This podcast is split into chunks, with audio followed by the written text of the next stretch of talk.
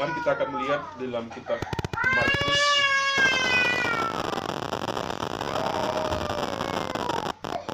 Kitab Markus pasal yang ke-10 ayat yang ke-42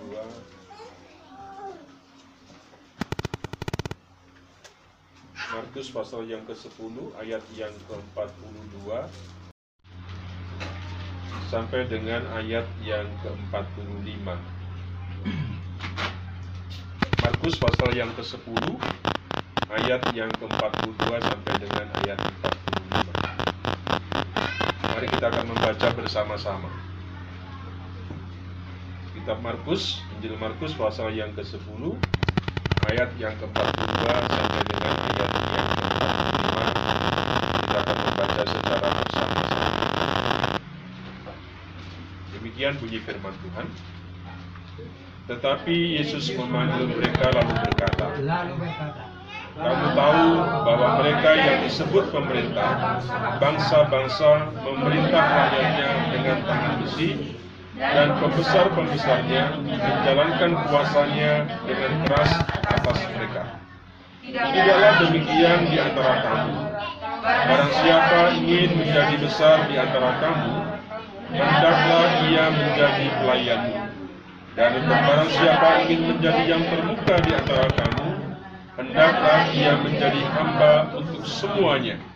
Karena anak manusia juga datang bukan untuk dilayani, melainkan untuk melayani dan untuk memberikan nyawanya menjadi tebusan bagi banyak orang. Amin. Ayat yang ke-45 dikatakan,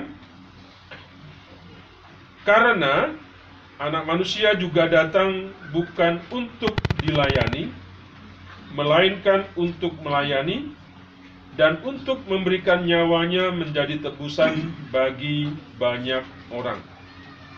Karena anak manusia juga datang bukan untuk dilayani, melainkan untuk melayani dan untuk memberikan nyawanya menjadi tebusan bagi banyak orang. Menjadi hamba, menjadi hamba untuk semuanya.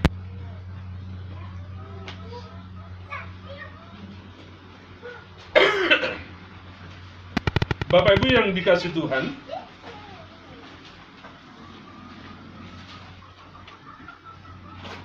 dalam kehidupan sehari-hari ada banyak orang yang menyebut dirinya itu orang Kristen. Ya. Banyak dalam kehidupan sehari-hari orang yang yang yang mengatakan yang menyebut dirinya orang Kristen. Tetapi ada sesuatu yang mengganjal. Apa itu? Bicara tentang karakter. Ya. Nah, ternyata banyak karakter hidupnya yang tidak mencerminkan daripada Kris Kristus. Sebab itu tahun ini kita mengangkat sebuah tema melayani seperti seperti aku melayani. Melayani seperti aku melayani. Nah, sekalian Bapak Ibu ada ada sesuatu yang menjadi persoalan. Ternyata dalam keseharian ada banyak orang yang notabene katanya orang Kristen, tapi karakter hidupnya sama sekali tidak mencerminkan daripada Kris Kristus. Kalau kita melayani Kristus, harus tahu seperti apa Kristus.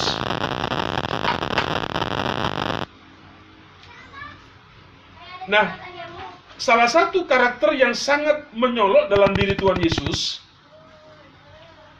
seperti ayat yang kita baca di sini, adalah Yesus berhati ham, hamba. Dia berarti hamba. Yaitu mau melayani, bukan dilayani. Tadi ayat yang ke-45, Yesus datang ke dalam dunia ini untuk melayani. Kira-kira kita kita datang ke dunia ini untuk ngapain ya? Dilayani atau kita melayani? Tapi karena kita sudah miliknya Kristus, tentunya kita harus seperti Kristus. Kalau Kristus melayani, maka kita juga harus melayani. Ya, kita harus mempunyai hati berhati hamba. Ya. Yang dimasukkan di sini adalah melayani, bukan dilayani. Nah, Bapak Ibu Saudara, kebesaran yang sejati bukanlah soal kepemimpinan. Ya. Kebesaran sejati sebenarnya bukan so soal kepemimpinan. Bukan juga bicara tentang kekuasaan. Atau juga tidak berbicara tentang prestasi seseorang yang yang tinggi, yang hebat. Tetapi kebesaran se yang sejati itu tentang sikap hati yang dengan sungguh-sungguh ingin hidup bagi Allah dan juga ingin hidup bagi sesama. Jadi kebesaran sejati tidak, tidak bicara tentang prestasi, tidak berbicara tentang kekuasaan, tidak berbicara tentang siapa yang hebat, tidak. Tetapi ber, lebih berbicara tentang bagaimana sikap hati kita yang dengan sungguh-sungguh ya, ingin hidup bagi Allah ya, dan tentunya hidup juga bagi sesama sesama.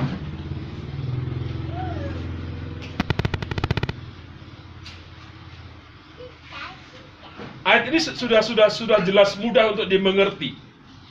Ya. Yesus datang ke dunia bukan untuk menjadi terkenal. Ya. Engkau juga dilahirkan dalam dunia ini supaya engkau tidak supaya kamu terkenal tidak. Dia datang ke dunia bukan tujuannya seperti itu. Tidak untuk dia dikenal. Tidak untuk dipuji-puji, dilukan. Ya. Tidak untuk disanjung. Tidak untuk disambut dengan sorak-sorai. Ya. Yesus datang bukan untuk, untuk tujuan semua. Melainkan dia hadir ke tengah-tengah dunia ini sebagai pribadi yang sangat sederhana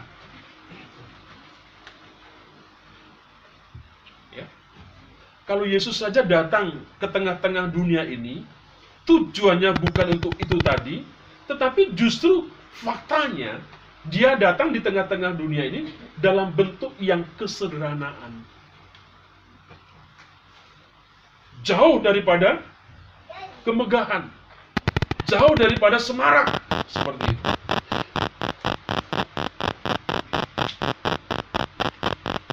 Sampai dia memposisikan dirinya sebagai seorang hamba. Coba perhatikan Filipi pasal 2 ayat 6 sampai 7.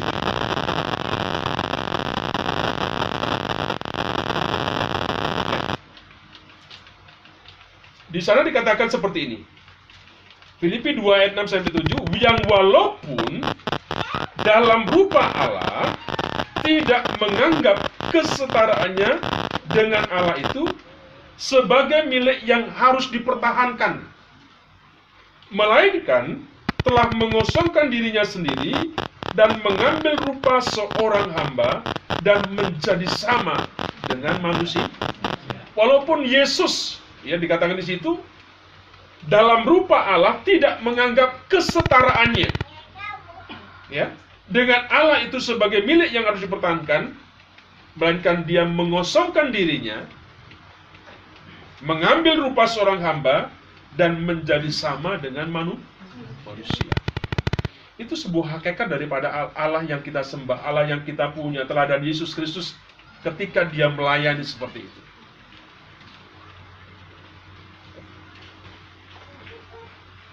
Mari Bapak Ibu, ini menjadi salah satu perenungan kita ketika kita mempersiapkan diri menyambut Natal, merayakan Natal, satu momentum untuk mengevaluasi dalam panggilan setiap kita. Ketika engkau melayani, apakah engkau ingin terkenal? Apakah engkau ingin dipuji-puji? Apakah engkau ingin dilulukan dan sebagainya?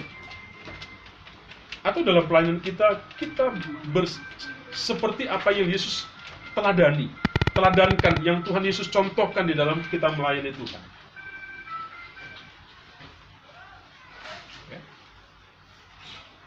Saya percaya Bapak Ibu, Tuhan yang di tempat tinggi, Allah yang kita sembah, dia Allah yang mengamat-ngamati segala sesuatu yang kita kerjakan, sesuatu yang kita layani, sesuatu yang kita buat. Ya. Pasti dia memperhatikan, dia mencermati, dia dia mengerti betul apa yang kita kerjakan, apa yang kita lakukan dalam kita melayani Tuhan, melayani sesama kita. Ya. Jadi Yesus saja walaupun dia dalam rupa Allah tetapi dia tidak tidak tidak apa namanya tidak menyombongkan karena dia dia Allah seperti itu ya.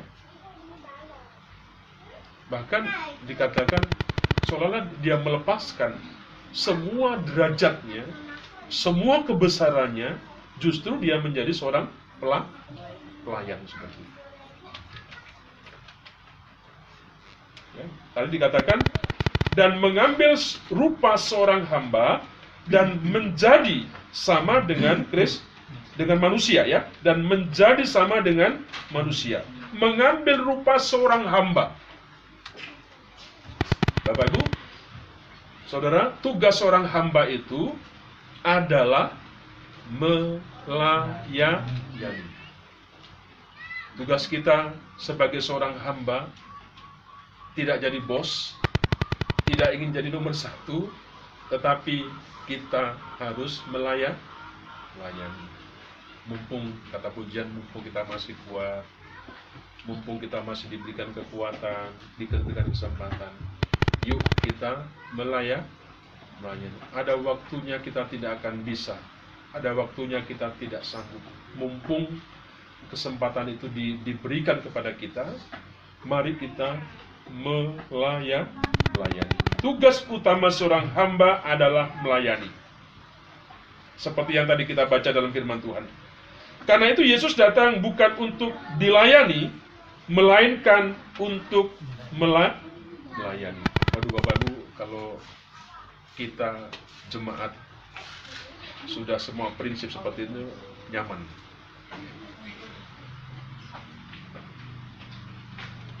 Tapi faktanya kadang-kala di gereja di mana pun saja ya waktu kita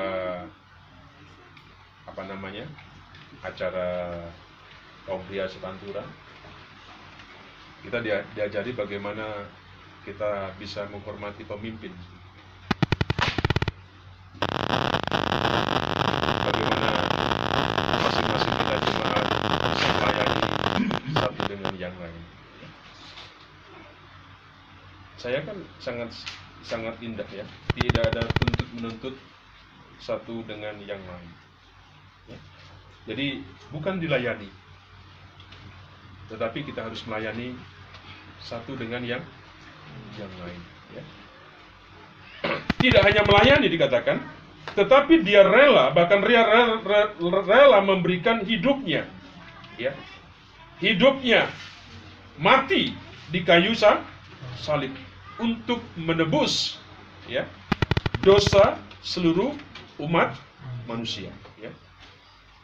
Tidak hanya melayani, tetapi dia sungguh-sungguh memberikan hidupnya, memberikan nyawanya, memberikan sungguh-sungguh all out 100% sungguh-sungguh diberikan. Ada ada firman Tuhan mengatakan kalau Tuhan sudah memberikan nyawa, maka kita pun dituntut untuk memberikan nya kepada siapa? Saudara kita. Itu kan? Sama. Ya. Tuntutannya luar biasa. Tidak hanya hidupnya yang diberikan, tetapi sampai kepada kematiannya, ya, dia persembahkan, dia berikan sungguh-sungguh kepada Tuhan. tema itu mengajak seperti itu Bapak Ibu. Natal yang kita mau buat, Natal yang kita peringati, Natal yang kita mau rayakan itu mengajak ke sana.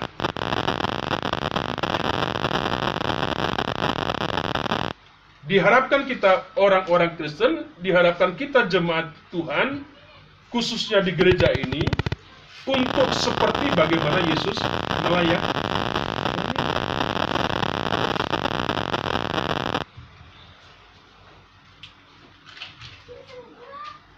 Siap memberikan hidup kita untuk Tuhan?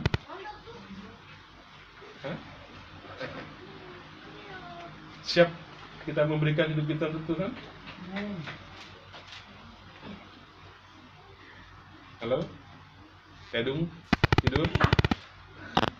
Ini, ini yang kita rayakan. Ini tema kita nanti.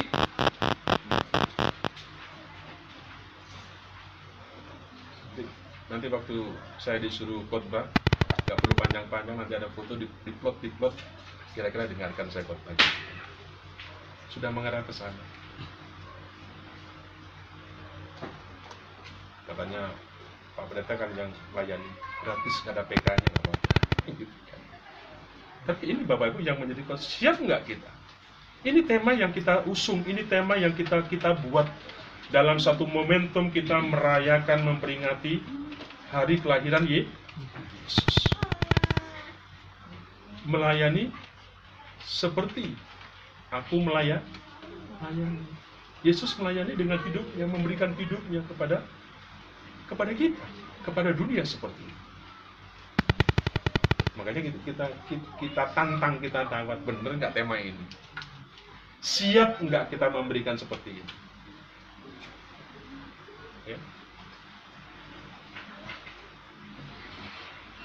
Dan saya berharap jangan sampai di momen Natal ini biasanya banyak set setan. Kalau orang puasa setannya diikat. Tapi kalau di Natal setannya peluduran. Datang ke gereja-gereja, cari para panitia, cari jemaat. Supaya apa? Tidak jadi Natal, Natalan.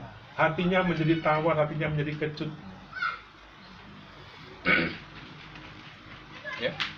Bapak Ibu, mari kita berlomba-lomba dalam melayani Tuhan, ya. Memberikan sungguh-sungguh sepenuh hati apa yang yang yang yang yang yang apa yang dipercayakan kepada kita. Ya saya bisanya hanya hanya jaga jaga bagian di depan Pak. Oke, lakukanlah kira-kira begitu. Setiap ada Natal seperti Om Jan, saya senang begitu kan kayak kemarin kita bab tentang ulang tahun. Sudah siap di situ. Ya, itu sebuah pelayanan. Gak jauh hebat, gak jauh hebat dengan Pendeta yang berbicara depan tidak. Ya kan? Itu sebuah pelayanan sesuatu yang yang dihargai Tuhan. Waktu Nemehi, Nehe, apa, Nehemia membangun Bapak Ibu, dia tahu musuh. Tidak hanya doa nangis, tidak. Ketika dia membangun ada orang-orang Israel, ya, ada jemaat-jemaat Hosiana yang datang bawa pedang, kira-kira begitu. Kalau ada musuh siap ditebang, kira-kira begitu. Itu betul loh, ya kan? Nehemia kan begitu kan? Ada yang membangun, tetapi ada yang juga berjaga-jaga. Tapi tidak bawa gaple, bawa pedang. Kan begitu kan ceritanya kan? Itu sebuah pelayanan Bapak Ibu. Jangan kemudian kita merasa rasanya rendah diri, tidak. Atau rasanya itu sangat-sangat ya tidak tidak pantas kalau saya dulu seperti itu. tidak. Nah, itulah Bapak Ibu yang yang yang dimaksudkan yang dimau daripada apa yang menjadi tema kita. Menjadi hamba. Memberikan hati kita, hidup kita ya. Untuk Kris, Kristus ketika kita melayani. Nah, menjadi pengikut Kristus itu memiliki sebuah arti. Ya. Mengikut Kristus berarti harus memiliki hati hamba. Seperti siapa? Seperti Kris, Sep- seperti Kristus. Nah, apa yang dimaksud dengan hamba di sini? Apa yang dimaksud dengan berhati hamba? Yang pertama, yang dimaksud dengan berhati hamba di sini adalah siap untuk tidak dikenal. Ya? Siap Bapak Ibu untuk dari kenal? Siap? Ah, nggak yakin. Natal ini kalau tidak ada Pak Pendeta, tidak akan bisa jalan. Pak Pendeta persembahannya yang paling gede.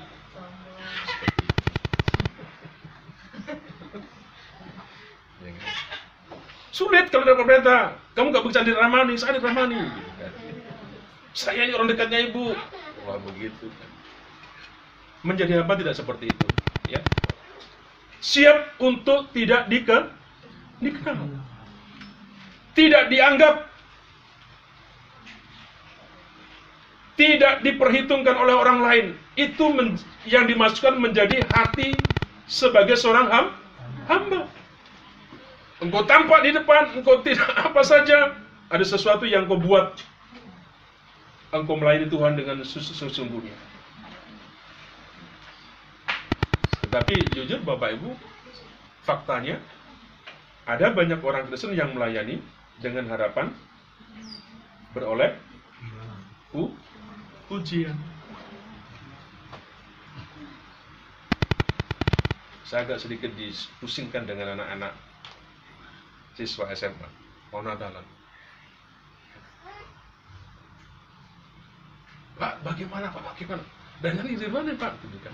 Ya dananya mau dari anak-anak lah, dari siswa saya bilang gitu. Berapa? Lima ribu kak, sepuluh ribu, dua puluh ribu. Pak berat, gimana nanti protes? Bilang gitu kan. Saya mulai saya telisik. Dari mana sih gerejanya anak-anak ini? Saya tanya ini. Coba latar belakang saya lihat dulu. Eh, biasa happy-happy ya sulit begitu. Ya kan? Pak nanti orang tuanya protes. Bilang sama sama orang tuamu, Pak yang nyuruh. Itu aja kadang-kadang. Kadang-kadang bahasa fitu-fitu dipakai begitu. Bilang sama orang tuamu, sepuluh dua ribu itu bukan untuk Pak. Untuk beli makanmu, untuk beli makan anakmu. Hanya kita kumpulkan. Bapak Ibu, sulit. Ya. Ada banyak or orang Kristen yang melayani dengan harapan seperti itu ada sebuah pujian. Ya, mendapatkan sebuah penghormatan daripada manusia. Saya tidak ingin di Natal kita tahun ini setan-setan banyak berkeliaran di kita. Jangan mau. Kalau sudah mulai bilang, bes, pergi. Gitu kan. Usir. Ini orang yang oh, yang ini, yang ini, apa? Karena dudukkan seperti anak SMA. Karena pusing, pak ini, anu, ini, pusing gitu kita dengar. Celoteh. Ini nggak prinsip, nggak penting gitu kita perang urap sana. Nah kita diingatkan ketika kita merayakan kenapa Yesus lahir, pelayanan kita, hati kita seperti itu. Mungkin sudah mengerjakan banting-banting, jangan pingin dipuji, nggak apa-apa lah, terserah. Yang penting jangan sampai Tuhan nggak lihat kita. Ya. Pak Pendeta nggak nengok pun nggak apa-apa. Yang penting jangan sampai Pak Tuhan nggak nengok kita, kira-kira begitu. Ya. Itu yang sedang terjadi. Ada banyak orang Kristen yang seperti itu dalam kita dalam melayani uh, Tuhan seperti itu. Tetapi berbanding balik dengan apa yang Tuhan Yesus lakukan, ya. Dia rela menanggalkan segala atribut kebesarannya.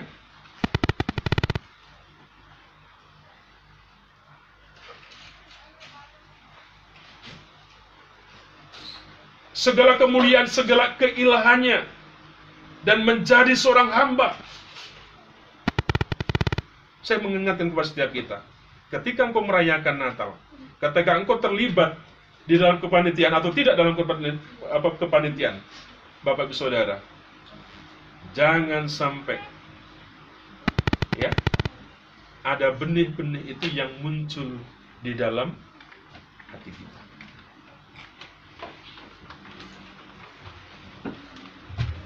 Tapi saya bersyukur walaupun riak-riak itu ada, tetapi sekarang sudah mulai riak-riak itu sudah mulai lepas. Amin. Sudah mulai hancur. Ya. Jangan ada yang berkata mana yang tua, mana yang muda tidak. Mana yang lebih senior dan junior tidak, jangan. Kita hanya satu, kita melayani Tuhan. Kita tidak melayani Pak Pendeta, tidak menyenangkan Pak Pendeta, tidak menyenangkan lembaga, tetapi berikan sebuah ketetapan bagi Bapak Ibu Saudara, saya melayani Ye Yesus. Seperti Yesus melayani, saya ingin belajar seperti itu. Siap untuk disalib? Disalibkan. Capek kita. Tapi dimaki-maki. Pak Pendeta tiba-tiba, ah, gitu-gitu.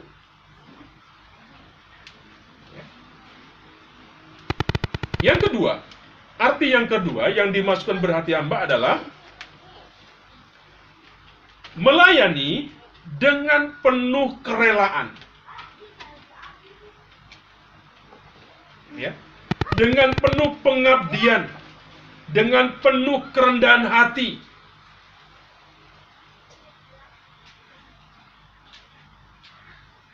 Ah, makan sekali padang sudah, sudah diomongi. Siapa yang ngomong? Itu ada Pak Pendeta. Kasihan, jangan diomongi. Dia berjeri lelah menjadi panitia. Gak apa-apa lah. Ya kan? Mari kita melayani menjadi hamba yang penuh dengan kerelaan. Apa tugas kita, apa yang dipercayakan kita, mari kita kerjakan seperti itu. Ya kan? Jangan iri-irian.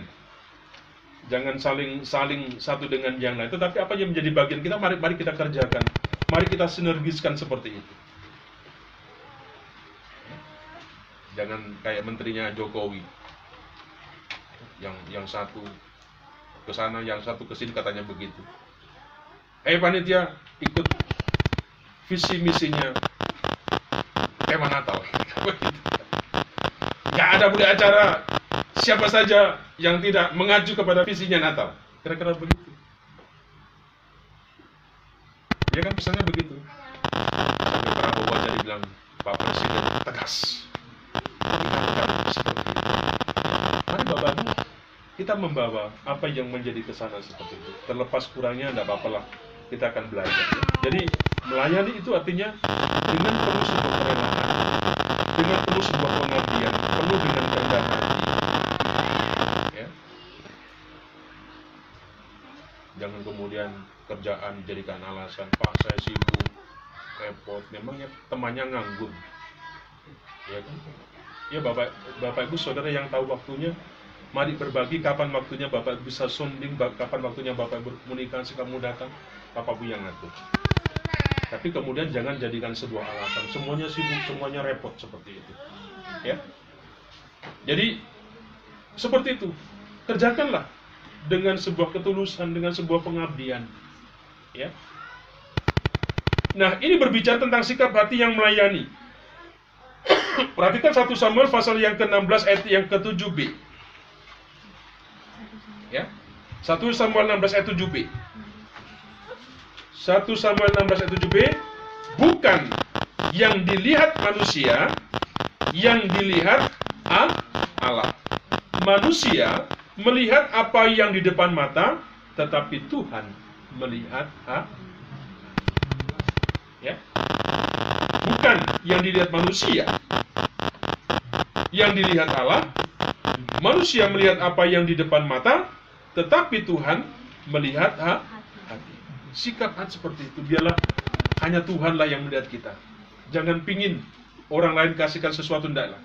Itu nanti pastilah. Itu sudah otomatis nggak usah dicari pasti engkau akan dipuji. Pasti engkau akan diberikan uprise ya oleh orang-orang yang yang melihat engkau luar biasa. Ya, nggak usah dicari, nggak usah diminta seperti itu. Itu nanti akan lahir dengan sendirinya. Ya. Jadi Bapak Ibu, itu yang dimaksudkan dengan berhati hamba. Siap untuk tidak dikenal, tidak dianggap, tidak diperhitungkan oleh orang lain. Yang kedua, melayani dengan penuh kerelaan, penuh dengan pengabdian, ya. penuh dengan kerendahan hati. Jangan sampai diteriak, "Woi!" Gak di grup begitu kan? Opul gitu kan. Nah, ketika kita melayani Bapak Ibu ada dua aspek dalam kita melayaninya. Yang pertama pelayanan kepada Tuhan secara vertikalnya kita melayani Tuhan secara horizontalnya kita melayani sesama. Nah, dalam melayani Tuhan, kita harus memiliki roh ya yang menyalanya nyala. Jangan padam. Jangan kendor. Nambah nggak dananya Natal hari ini? Nah, sudah lihat lihat dananya nyungsrep gitu kali, takut gitu kan. Wajahnya nggak semangat. Sampai sampai beli apa ma- mal apa ininya malaikat hanya satu. Saya bilang belikan semua. Satu. Dalilnya macam pak nanti cukup begini begini begini itu kan. Sebenarnya saya ngerti. Dananya kagak ada jadi hanya satu malaikat yang pakai sayap begini. Yang lain masih masih tumbuk. Sayapnya gitu kan ya malaikatnya lima tapi sayapnya satu. Bilang yang, yang keempat ke mana? Gitu loh. Berapa juta saya hanya 20 ribu. Saya beli. Kata gitu kan. Tapi saya ngerti hatinya. Hatinya pelayan-pelayan begitu. Aduh Pak Pendeta nggak tahu. Uangnya nggak ada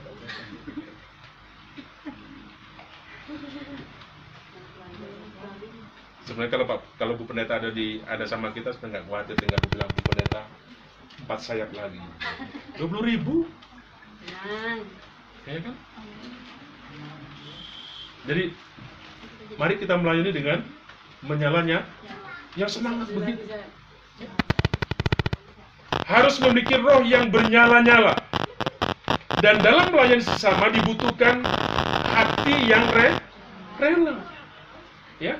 Dengan Tuhan kita harus bernyala-nyala dengan sesama kita harus dengan hati yang re yang rela hati yang penuh kan?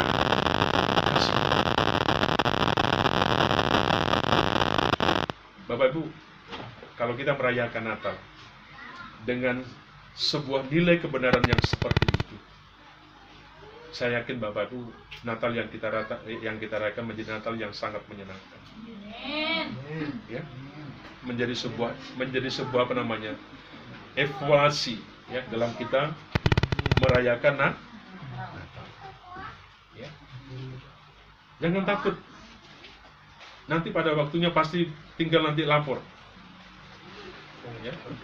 Lapor saja. Pak Bu kurang kurang apa? Kira-kira begitu. Yang penting sekarang jalan saja. Jalan saja jalan saja jalan saja ingat Bapak Ibu kenapa kita berani? Kita tidak sedang mengerjakan proyek kita. Amin?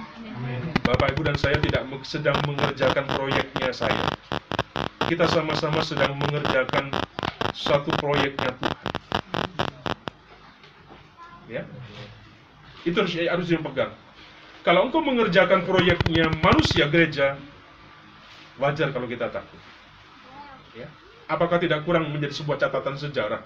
Begitu ya pengalaman kita di masa yang lampau Natal GKN jemaat boleh berkurang tapi persembahan tidak pernah berkurang itu fakta ya itu ada dasarnya itu dalilnya tidak ada yang omong doang tidak itu sebuah fakta jemaat kita dulu banyak Iya kan? Karena ada sesuatu yang terjadi kemudian ada yang yang yang ke lain seperti itu. Tapi Bapak Ibu faktanya persembahan kita selalu surplus. Iya kan? Walaupun tidak ada tanda-tanda kejelasan, tapi Bapak Ibu setiap akhir tahun, setiap akhir delapan panitia selalu sur. Apalagi nanti kalau hanya makannya ada, yang nyumbang. Ya ada yang ngasih. Bapak ibu sudah bisa kurang budget seperti itu. Yuk saya ingin mengajak pada kita bapak ibu mari kita melayani seperti Yesus melayani salah satunya hati sebagai seorang ham hamba. mari kita berlomba-lomba untuk memiliki hati seperti itu jangan hati yang lain jangan hatinya cendrawasih jangan hatinya binatang-binatang lain jangan tetapi hatinya Tuhan yang tumbuh dalam setiap kita. Saya, saya yakin Natal kita tahun ini menjadi Natal yang sangat sangat menyenangkan. Nanti yang pulang kampung tidak ada Tidak ada hadiahnya. Tidak ada kepahitan hati, senang, kan? Bisa cerita Natal kita luar biasa. Bukan apa? Bukan karena makanannya, bukan karena apa? Karena sebuah kesatian hati dia pada pada setiapnya satu dengan yang lain ya. biarlah firman Tuhan hari ini menyemangati kita dalam kita bersama-sama melayani Tuhan ingat tanpa memiliki hati hamba, kita tidak layak melayani Tuhan dan sesama. Ingat, camkan itu. Kita tanpa memiliki hati hamba, kita tidak layak melayani Tuhan dan melayani sesa sesama. Mari kita tunduk kepala kita berdoa bersama-sama.